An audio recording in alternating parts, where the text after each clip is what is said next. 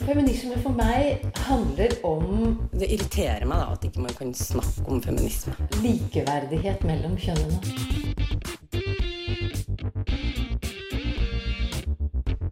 Det blikket på kvinnen på film. Det handlet om å bli tatt på alvor som jente. Du hører på Et eget rom på Radio Nova. Canada og Sverige har begge uttalt at de skal ha en feministisk utviklings- og bistandspolitikk.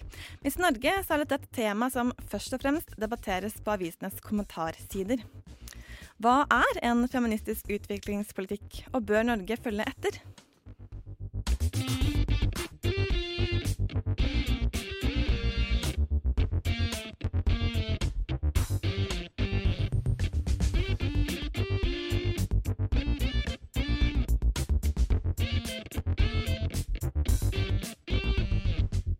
Velkommen, velkommen til et eget rom på Radio Nova denne mandagsmorgenen klokken ti.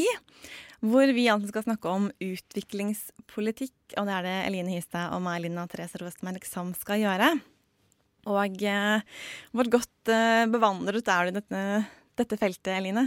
Utviklingspolitikk, eh, ikke spesielt godt bevandra. Det er et utrolig stort felt, da. Det, liksom, det favner alle problemer, på en måte. Ja, det favner ganske mye. Og så vet man jo sånn bitte litt om hva, man, hva som skjer i Norge, på en måte, den nasjonale politikken, men, men det som skjer i utlandet Og i hvert fall altså det gapet mellom de planene som blir lagt, som jo selvfølgelig blir lagt, og hva som faktisk skjer også, er jo veldig stort. Ja. Og bare det å snakke om utlandet, liksom, det er ja, generelt veldig stort og uoversiktlig, har jeg inntrykk av. Heldigvis så har vi snakket med noen mennesker, og vi skal få litt besøk eh, fra Kvinnefronten, som også ikke bare er i Norge, de er også litt internasjonalt og jobber med prosjekter andre steder i verden. Men altså utviklingspolitikk er en del av bistandspolitikken. Kan man si at det ligger litt mellom bistand og, utenrikspolitikk? Eller er det noe rundt her, eller? Altså det er jo utvikling på et vis altså, i andre land, da. Ja. Altså bistand kan jo være hvis det skjer en katastrofe, så gir man penger for å, for å redde og hjelpe. Da er det ikke akkurat nødvendigvis utvikling. Men når man jobber med utdanning, helse, reproduktive rettigheter, så er det mer sånn utviklingspolitikk. Mm. Og det er faktisk ikke alle som er helt enige om hva det er for noe. Fordi det er noen som vil ha en veldig sånn revolusjonær internasjonal politikk. Eh, og liksom, nå må vi røske tak i disse patriarkalske strukturene. Og så er det andre som er litt mer sånn Vi skal ha litt mer reformering uh, av dette her. Men det kan vi kanskje finne litt mer ut av. Hva er det man egentlig snakker om? Lisa Aasbø hun har sett litt på hvorfor man kaller utviklingspolitikken sin for feministisk, og sett til Canada og Sverige, de to eneste landene i verden som fører en feministisk utviklingspolitikk. Etter at sosialdemokratene i Sverige danna regjering med Miljøpartiet i etterkant av valget i 2014, gikk det kort tid før utenriksminister Margot Wallström lanserte det hun gikk til valg på. Verdens første selvdefinerte feministiske utenrikspolitikk.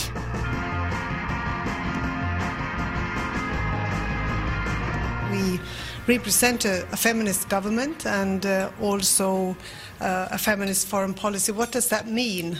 If you um, uh, think of it, the empowerment of women and girls uh, is a true example of smart politics. It transcends the divide between hard and soft uh, security that enables effective as well as sustainable peace building, and that's the starting point.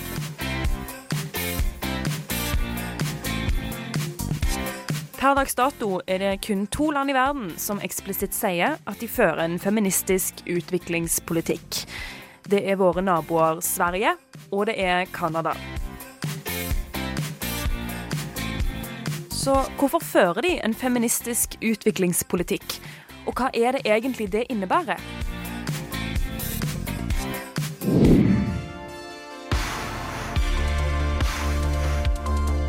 For Sverige betyr dette at alle valg som tas i utenriks- og utviklingspolitikken, skal innom det feministiske perspektivet.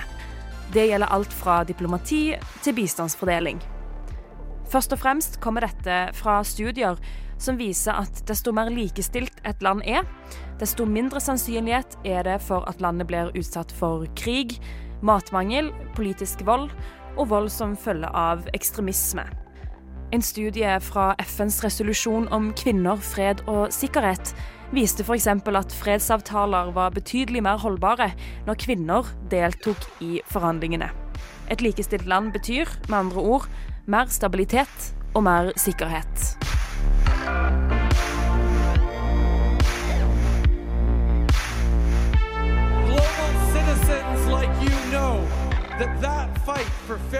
And equality starts with empowering women and girls.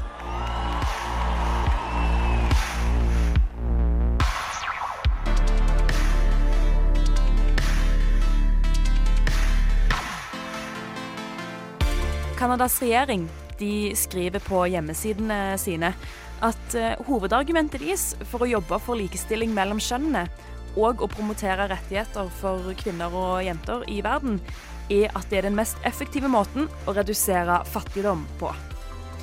Derfor mener de også at en feministisk politikk vil være effektiv for å nå FNs bærekraftsmål. Og dette er da 17 mål som er verdens felles arbeidsplan for å utrydde fattigdom, stoppe klimaendringene og bekjempe ulikhet innen 2030.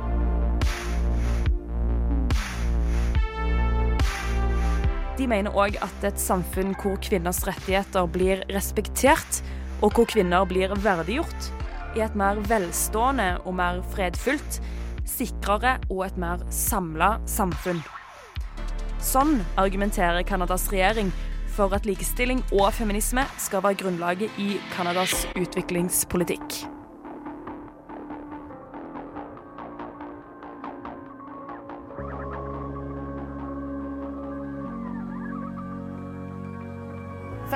Government is taking a new approach, it says, to distributing foreign aid. Today, it announced Canada's first feminist international assistance policy.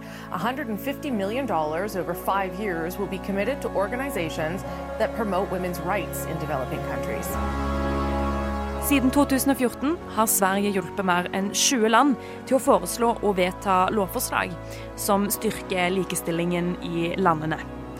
Canadas regjering vil i løpet av de neste fem årene tildele 150 millioner dollar, som tilsvarer ca. 1,3 milliarder norske kroner, for å møte behovene til lokale kvinneorganisasjoner i utviklingsland, som arbeider for å fremme kvinners og jenters rettigheter og for å fremme likestilling.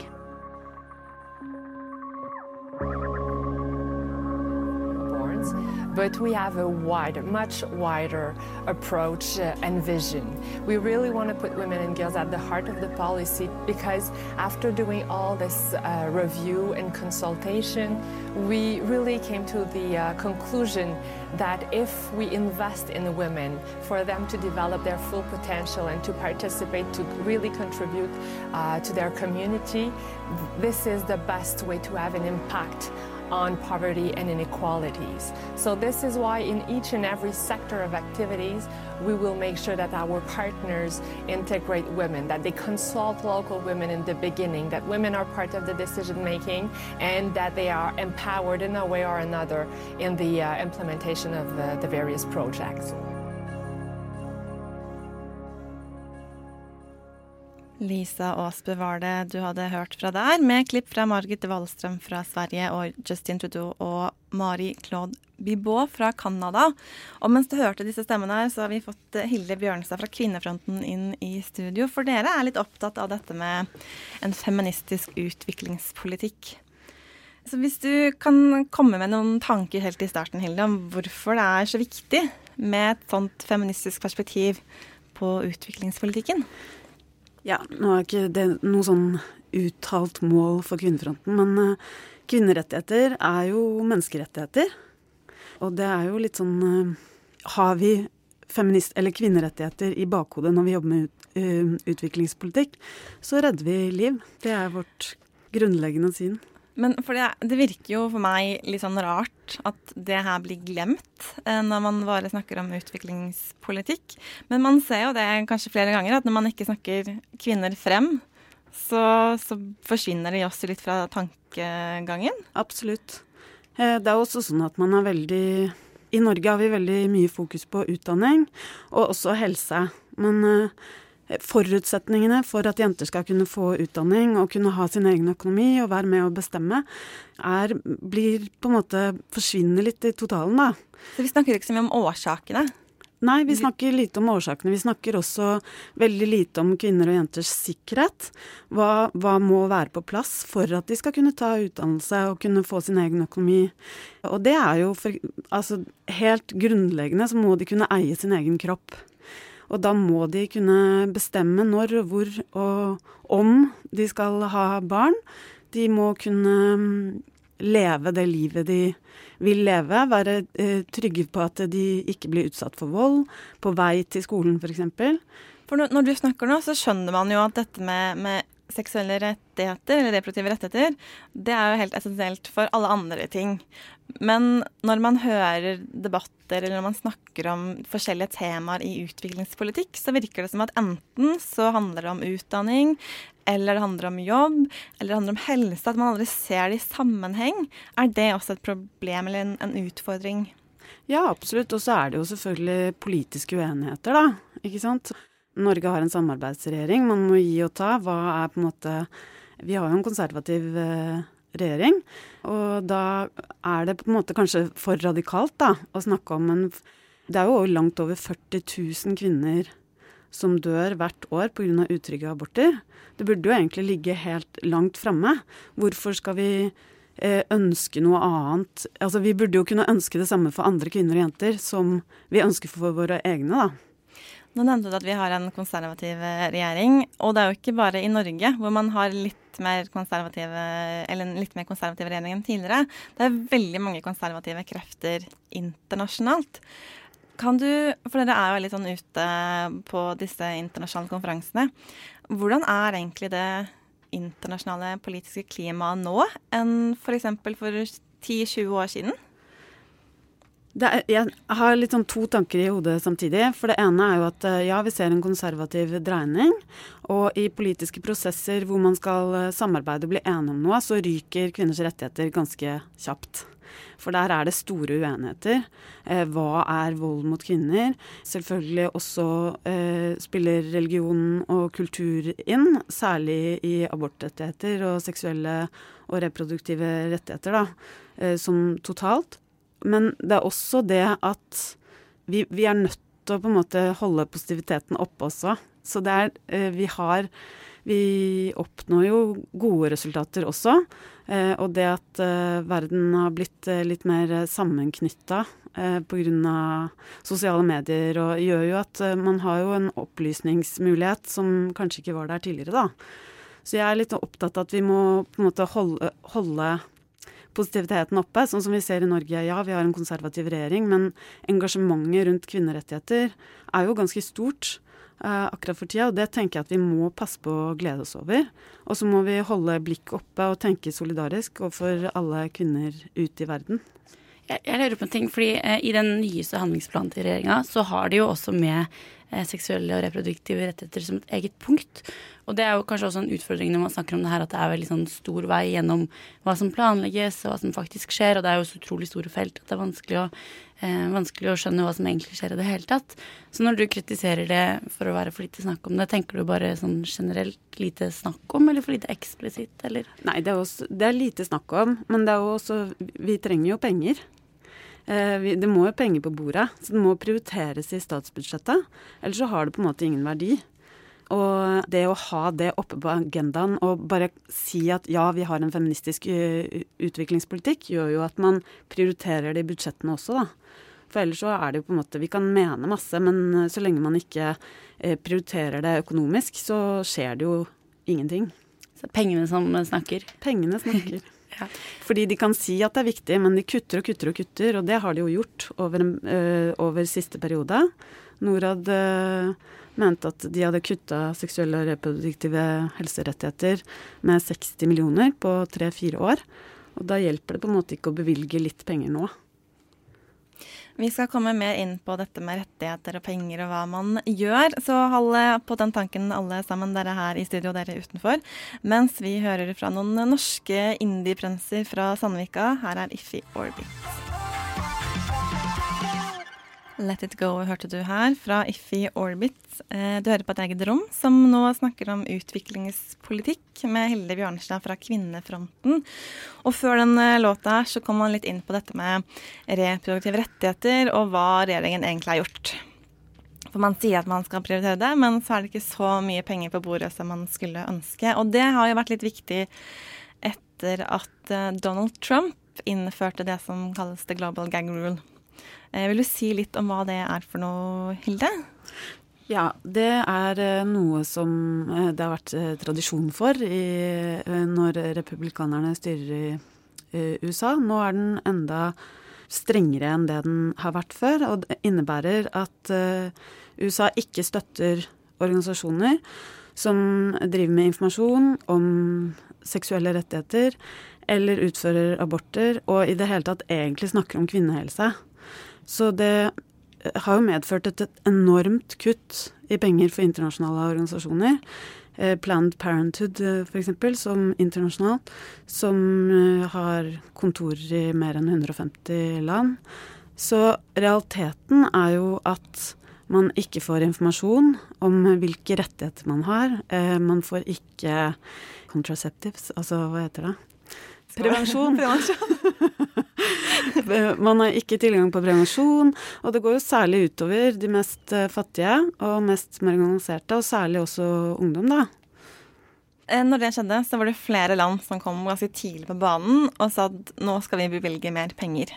For vi mhm. skal veie opp for kuttene som USA gjør, og som går så utover kvinner egentlig i hele verden. Men Norge de var litt trege der. Ja, og da er vi tilbake til det igjen at hvis man har det litt langt framme, kvinnerettigheter, så ville man jo kanskje vært litt kjapt på banen, da. Med penger og støtte. Men uh, det tok jo fryktelig lang tid, og til slutt så bevilga Norge 85 millioner kroner. Eh, langt mindre enn de andre nordiske landene, som uh, er dårlige, da. Rett og slett. Men, men handler det kanskje litt om at de er litt redde for å tråkke noen på tærne? Man, eller hva Nei, jeg tenker at det handler om at de ikke er så opptatt av kvinners rettigheter, rettigheter. Ja. De er opptatt av næringspolitikk og helt andre Altså, vi har jo en statsminister som stadig snakker om at eh, utdanning for jenter er veldig viktig. Men uh, da må man jo gjøre noe reelt også, da. Og det er klart at de har bevilga mye penger til utdanning, men da er vi tilbake til det igjen at hvilke forutsetninger må være til stede for at jenter skal kunne utdanne seg, da. De, de må være trygge, de må eh, ikke være utsatt for vold, og det er et stort problem at uh, jenter som blir gravide, ikke får tatt uh, skoleutdanning. Uh, de får ikke tilgang på det fordi de er gravide, eller fordi de er skada etter en utrygg abort, eller mm. Dere er jo rundt omkring på en del sånne konferanser og møter politikere fra nesten overalt. Og Sverige de er jo veldig frempå Eh, si, hvordan er liksom norske kontra svenske diplomater og politikere når de er utenlands og skal snakke om utviklingspolitikk?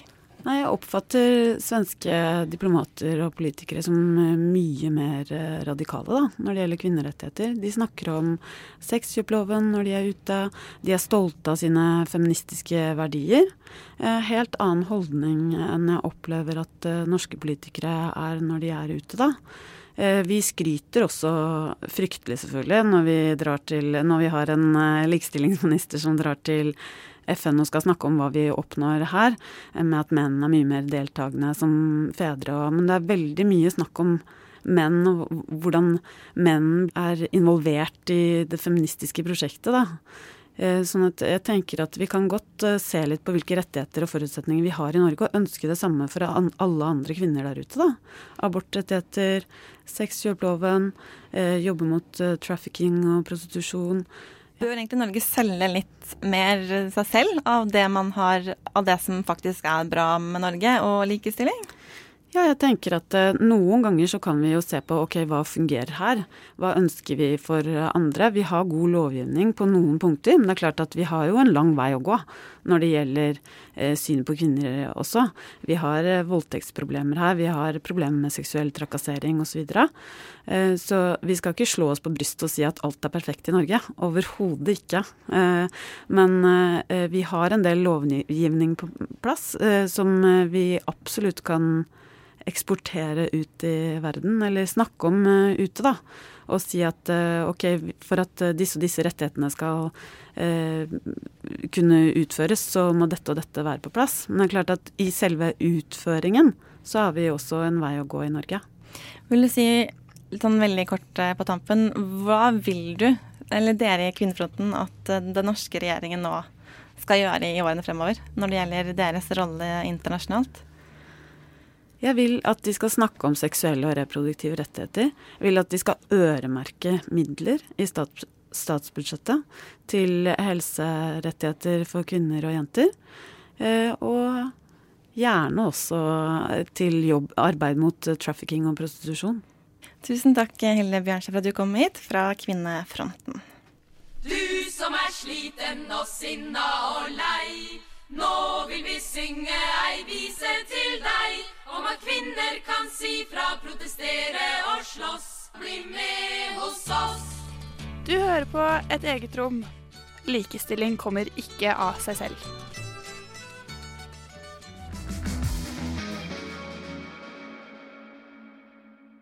Great News hørte du her på Radio Nova og Et eget rom som snakker om utviklingspolitikk. Nå har vi fått litt sånn innblikk fra kvinnefronten, som er litt sånn eh, har litt kunnskap om det feltet fra sånn internasjonalt arbeid. Eh, men det er jo litt interessant hvorfor man ikke snakker mer om det i Norge. At det er bare liksom i kronikkform, hvor meningen ofte er nå bør Norge følge etter, og så skjer det egentlig ikke så veldig mye, selv om man har hatt en plan for hva man skal gjøre.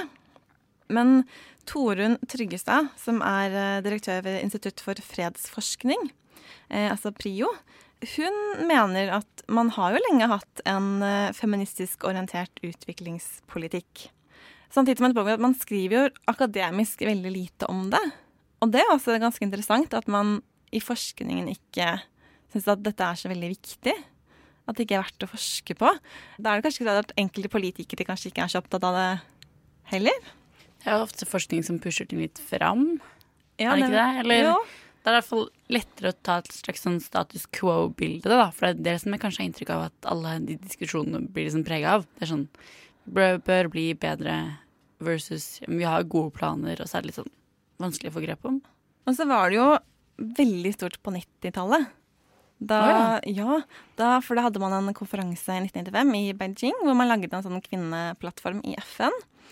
Og forrige uke, for dere som hørte på da, snakket vi om voldtekt som våpen i krig. Og det var jo da man begynte å snakke om voldtekt eh, i krig, også internasjonalt. Og det kom på banen. og Da ble liksom kvinne, kvinner ble veldig viktige. Eh, nå er det ikke så lenge siden kvinnekonvensjonen kom. Det var vel så på slutten av 80-tallet eller noe sånt. Da. Så det her var jo veldig i tiden for sånn 25 år siden ish. Men, så har det blekna litt, da? Eller?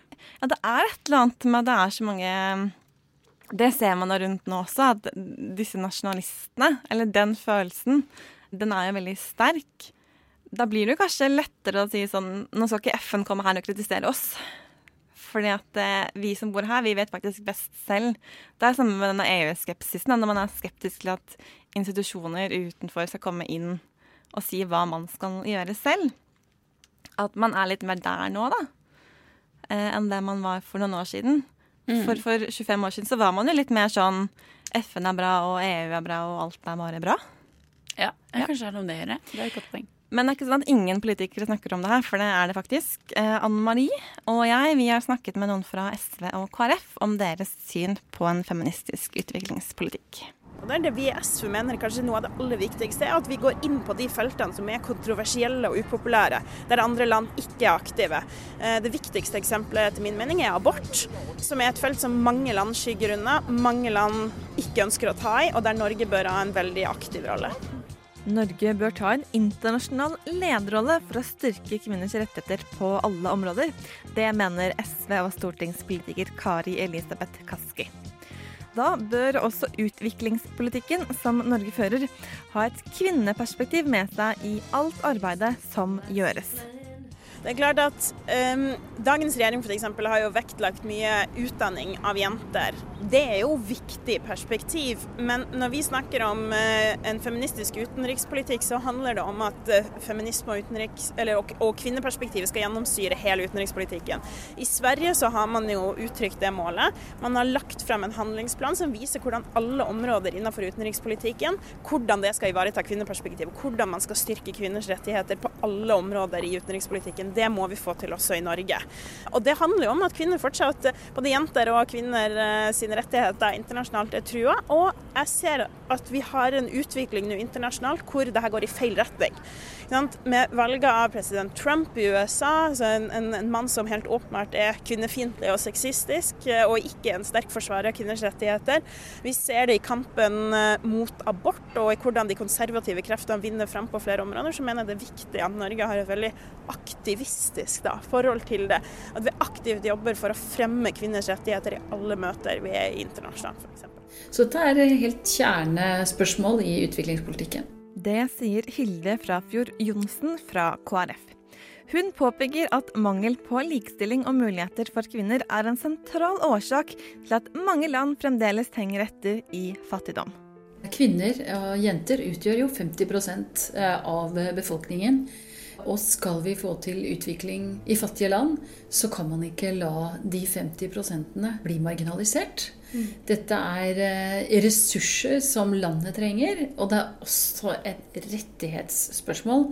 Nemlig at de jentene og kvinnene skal ha akkurat like samme rettigheter som guttene.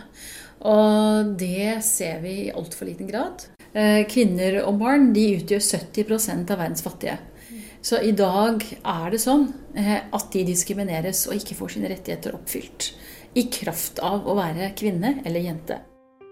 Johnsen mener at Norge siden Gro Harlem Brundtland sine regjeringer har vært et fyrtårn når det gjelder å sette fokus på kvinners rettigheter globalt. Hun mener det er viktig at vi fortsetter å gå foran. Det mener altså Kaski, som hevder at Norge bør ta enda et skritt ut i front. Ja, vi mener det. Så det er klart at i utenrikspolitikken så er det jo ikke alltid det klokeste for å få gjennomslag er å gå i strupen på motparten, for å si det sånn. Eh, men vi bør eh, være mindre forsiktige enn det vi er i dag. Vi bør bruke alle internasjonale møter til å ta opp kvinners rettigheter. Vi bør sikre at dette ikke bare handler om hvor vi putter pengene våre, men at vi også er tydelige på hva vi mener. At vi står opp for kvinners rettigheter i møte med land som, som ikke følger opp kvinners rettigheter. F.eks. når vi møter land som India, der vi ser at så mange kvinner voldtas, hvor vi ser at så mange kvinner som blir voldtatt, ikke blir tatt på alvor. Det bør jo være et tema som den norske utenriksministeren alltid tar opp med India. Det er særlig kontroversielle temaer som abort Norge bør være med å fremheve, mener Kaski. Det mener jeg kjempealvorlig. Dette er et av de områdene der vi ser at flere land skygger banen, trekker seg ut fordi det er kontroversielt. Der bør Norge være langt tydeligere, både i internasjonale møter og gjennom også kanalisere flere av mer av den økonomiske støtta vår til de prosjektene. Kaski er enig i at områder som vaksine og utdanning også er viktige områder, men påpeker at dette er områder som er lite kontroversielle internasjonalt, og hvor også andre land gjør en viktig jobb. Jeg vet at Erna Solberg og Norge får mye ros for den jobben vi har gjort der. Jeg syns det er positivt. Det er ingen tvil om at det at jenter kan ta utdanning, og så etter hvert få seg jobb, er viktig for kvinners eh, selvstendighet og, økonomiske selvstendighet og frigjøring. Samtidig så ser vi at det er flere andre land som er med på det. Derfor så mener vi at mer av våre penger bør kanaliseres over de mer kontroversielle områdene, der vi ser at andre land ikke vil bidra, f.eks. til støtte arbeidet med trygg abort. Det er vanskelig å si at noe er viktigere enn annet, fordi alt er rettighetsspørsmål. Det sier Frafjord Johnsen. Hun mener at Norge må fortsette å jobbe for utdanning, kvinnehelse og reproduktive rettigheter, men at også andre utfordringer må være med på å sette dagsordenen, i en verden som også er preget av konflikter og flyktningstrømmer. Men andre spørsmål, som f.eks. kvinners rettigheter i flyktningsituasjoner, humanitære kriser, det er med de krisene vi nå ser, et enda viktigere spørsmål enn før. Og det er ofte sånn at det er kvinner som er de som eh, lider mest i krisesituasjoner. Og da snakker vi selvfølgelig om seksuelle overgrep. Eh, vi snakker om at eh, man krever sexformat og i nødhjelpssammenheng. Altså det er masse sånne ting som foregår som kvinner og jenter blir utsatt for. Når nettverkene forsvinner, beskyttelsen rundt dem forsvinner, så står de mer alene enn noen gang. Så det er, det er noen gamle saker man fortsatt skal slåss for, men det er veldig, veldig viktig å fange opp det som nå er en, en kjempestor utfordring, bl.a. der. Til forskjell fra Kaski og SV så mener Johnsen at et feministisk perspektiv på utviklingspolitikken ikke nødvendigvis gjør at man skal definere den som feministisk i alle sammenhenger. Hun sier ja til et feministisk innhold, og et litt mer tja til merkelappen feministisk utviklingspolitikk. Jeg er ikke imot det på noen som helst måte, men eh, bærer vel, eh, jeg bærer vel litt preg av min erfaring som utviklingsminister Eh, jeg tror på det å ha en feministisk utenriks- og utviklingspolitikk uten å kalle det det. Eh, jeg tror det er litt mer effektivt i dialog med ulike land. Og det er veldig fort sånn at hvis man reiser rundt med et flagg til topps, så kan man ofte komme i en lite konstruktiv dialog med de man skal prøve å overbevise. Jeg har litt mer tro på å overbevise Eh, ved det man sier, eh, og ved det man bidrar med, mm. Eh, mer enn med overskrifter og flagg. Og min erfaring er nok at det fort kan skje at folk kommer med vrangsida ut. Hvis du kommer og sier 'nå kommer jeg med en feministisk utviklingspolitikk'. Jeg er ikke sikker på om det er så veldig konstruktivt, og at man kommer så langt med det. Jeg tror man kommer langt med å gjøre det, og faktisk ha det som et mål. Eh, men at man ikke nødvendigvis reiser rundt og kaller det det. Så det er mer en taktisk fremfor en politisk vurdering. Er det taktisk og strategisk smart, eller, eller er det lurt å gjøre det på en litt annen måte? Men målet er jo det samme. Vi har det samme målsettingen. Selv om SV ønsker en mer aktivistisk politikk, vedkjenner Rostov Akaski at en slik politikk kan gi utfordringer. De mener likevel at det feministiske flagget bør tydeliggjøres bedre enn det gjøres i dag. Det er klart at um, man må gjøre det på en måte som gjør at vi kan få mer gjennomslag. Dette handler jo ikke bare om å flagge synspunktet for synspunktet sitt skyld, det handler også om å få gjennomslag. Samtidig eh, så mener jeg at du trenger noen nasjoner i verden som også aktivt flagger et standpunkt for å hele tida presse debatten og eh, de over, hva man si, både debatten og de felles standpunktene som man inntar, i riktig retning. Eh, da trenger du noen som går litt foran, som er litt aktivistisk, som i starten ikke vil få med seg alle, men som etter hvert kan bidra til å oppnå det. Så vil det jo sikkert komme motforestillinger, bl.a. med at vi vil fremme verdier som andre land ikke har. At det kan være at vi blander oss inn i andre land sine, sin religiøse tro eller verdistandpunkt. Det mener jeg at er et poeng som man absolutt skal lytte til, men samtidig at det er noen menneskerettighetsspørsmål, kvinners rettigheter, der skal vi alltid være tydelige på hva vi mener er riktig. Og det er en helt klar oppgave å sørge for at kvinners rettigheter blir respektert og styrka i hele verden. Du hørte Kari Elisabeth Kaski fra SV og Hilde Frafjord Jonsson fra KrF om deres blikk på feministisk utviklingspolitikk. Tenk på da vi gikk i demonstrasjonstog, og Ingrid på seks år gikk med plakat hvor det sto 'Jeg vil bli statsminister'. Og alle mennesker lo langs ruta for at en jente skulle kunne bli statsminister. Du hører på Et eget rom på Radio Nova.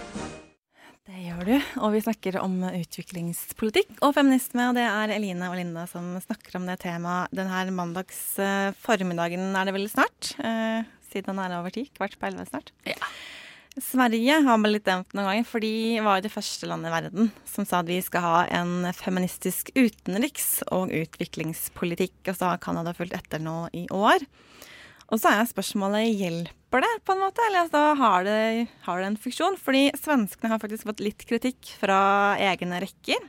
Ok, Fra egne svensker, holdt på å si? Ja, fra ja. svenske samfunns debattanter. Og noe av det er jo at det i litt for stor grad eh, oppfattes som at det er da ut utenriksministeren, som bærer en feministisk utenrikspolitikk. Mm. Eh, og at når resten av regjeringen er utenlands og møter sine samarbeidskollegaer fra andre land, så forsvinner det perspektivet litt, da.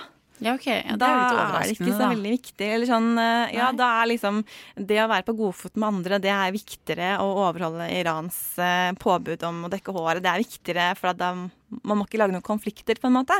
Mm. Så at man har fått kritikk for at det er, eh, det er én person i hovedsak som, som står for det her når man er utenlands. Ja, det hørtes litt ensomt ut. Ja, men så skjønner jeg på en måte at det kanskje er litt vanskelig å liksom Man Mm. vil at alle skal stå for det, og så ser man at det kanskje ikke alltid er så enkelt. I praksis? Når en handelsminister reiser ut, eller et eller annet sånt noe. Og så har du jo et eller annet har blitt tråkket fram som et litt, litt sånn dårlig eksempel, annet i en kommentar i The Guardian eh, for ikke så lenge siden. Det er Afghanistan. Og jeg visste ikke det her, men det er brukt masse penger på å jobbe med kvinners rettigheter i Afghanistan. Med utdanning eh, og litt andre ting. Og liksom prøvd å få kvinner inn i politikken. Man har fått kvinner inn i politikken. Problemet er jo at det har ikke blitt bedre. Altså det er fremdeles mye vold mot kvinner.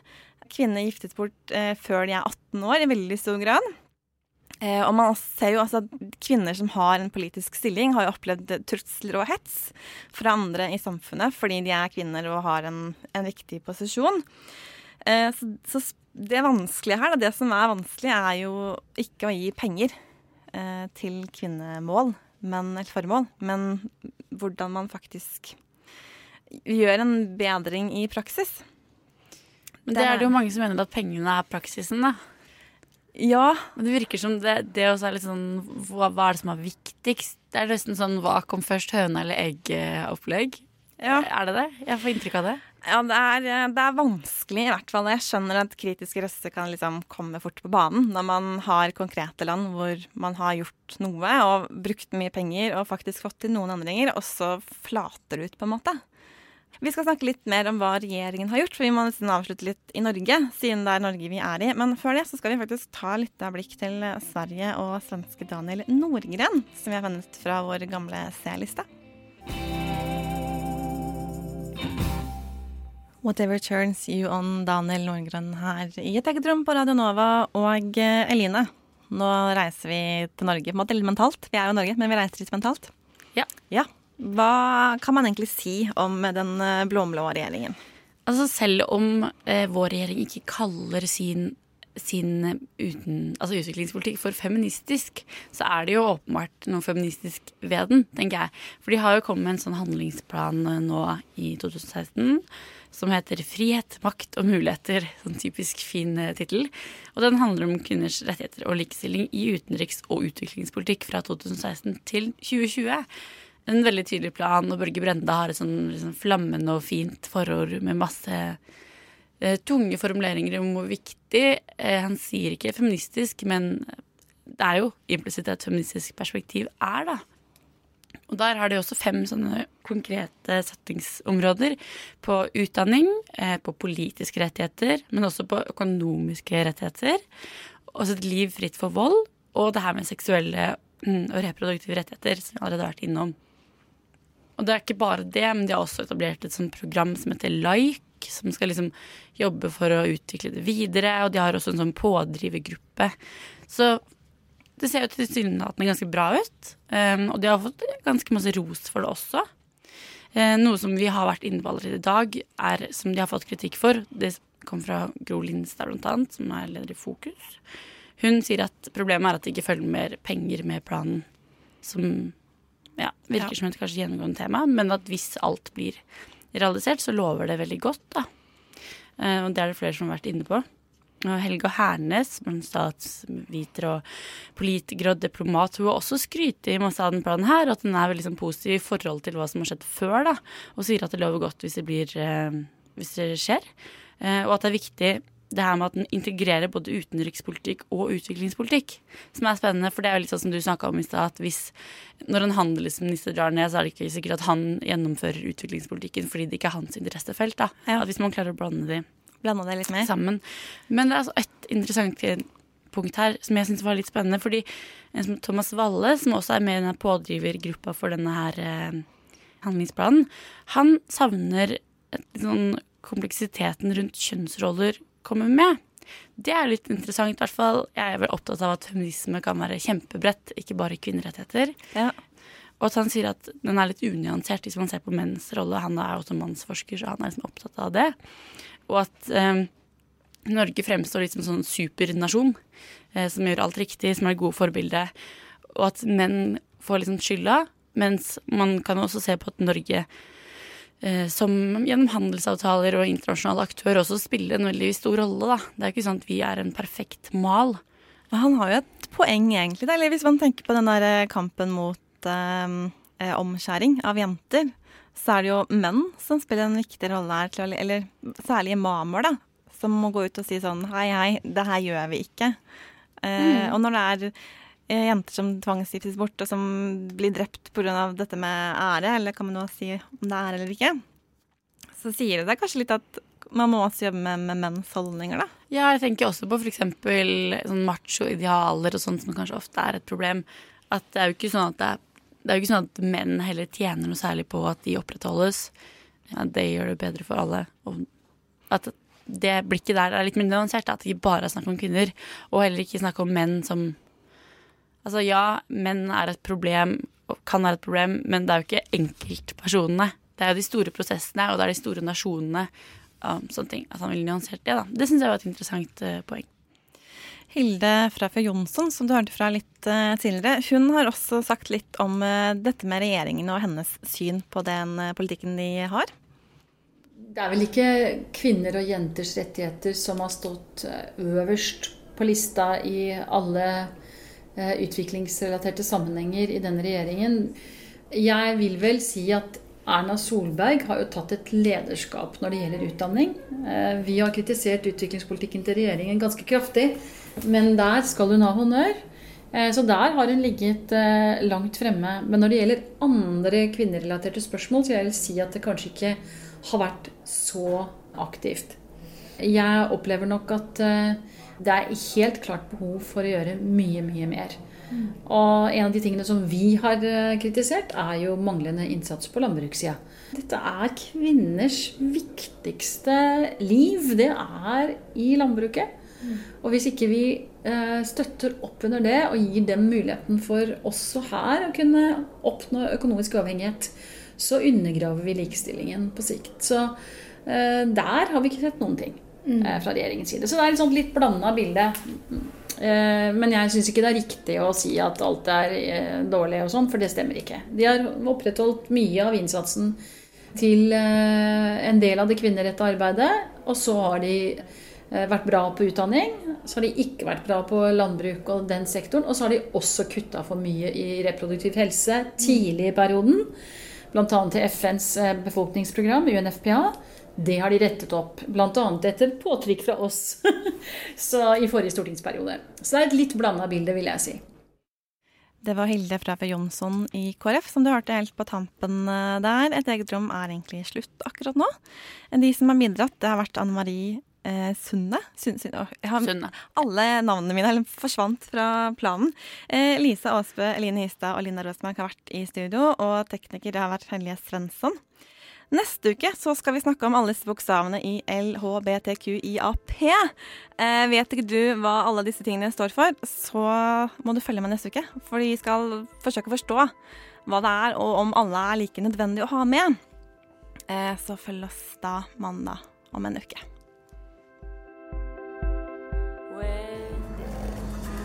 Radio Nova. Du har hørt en podkast fra Radio Nova. Likte du det du hørte? Du finner flere podkaster i iTunes og på radionova.no.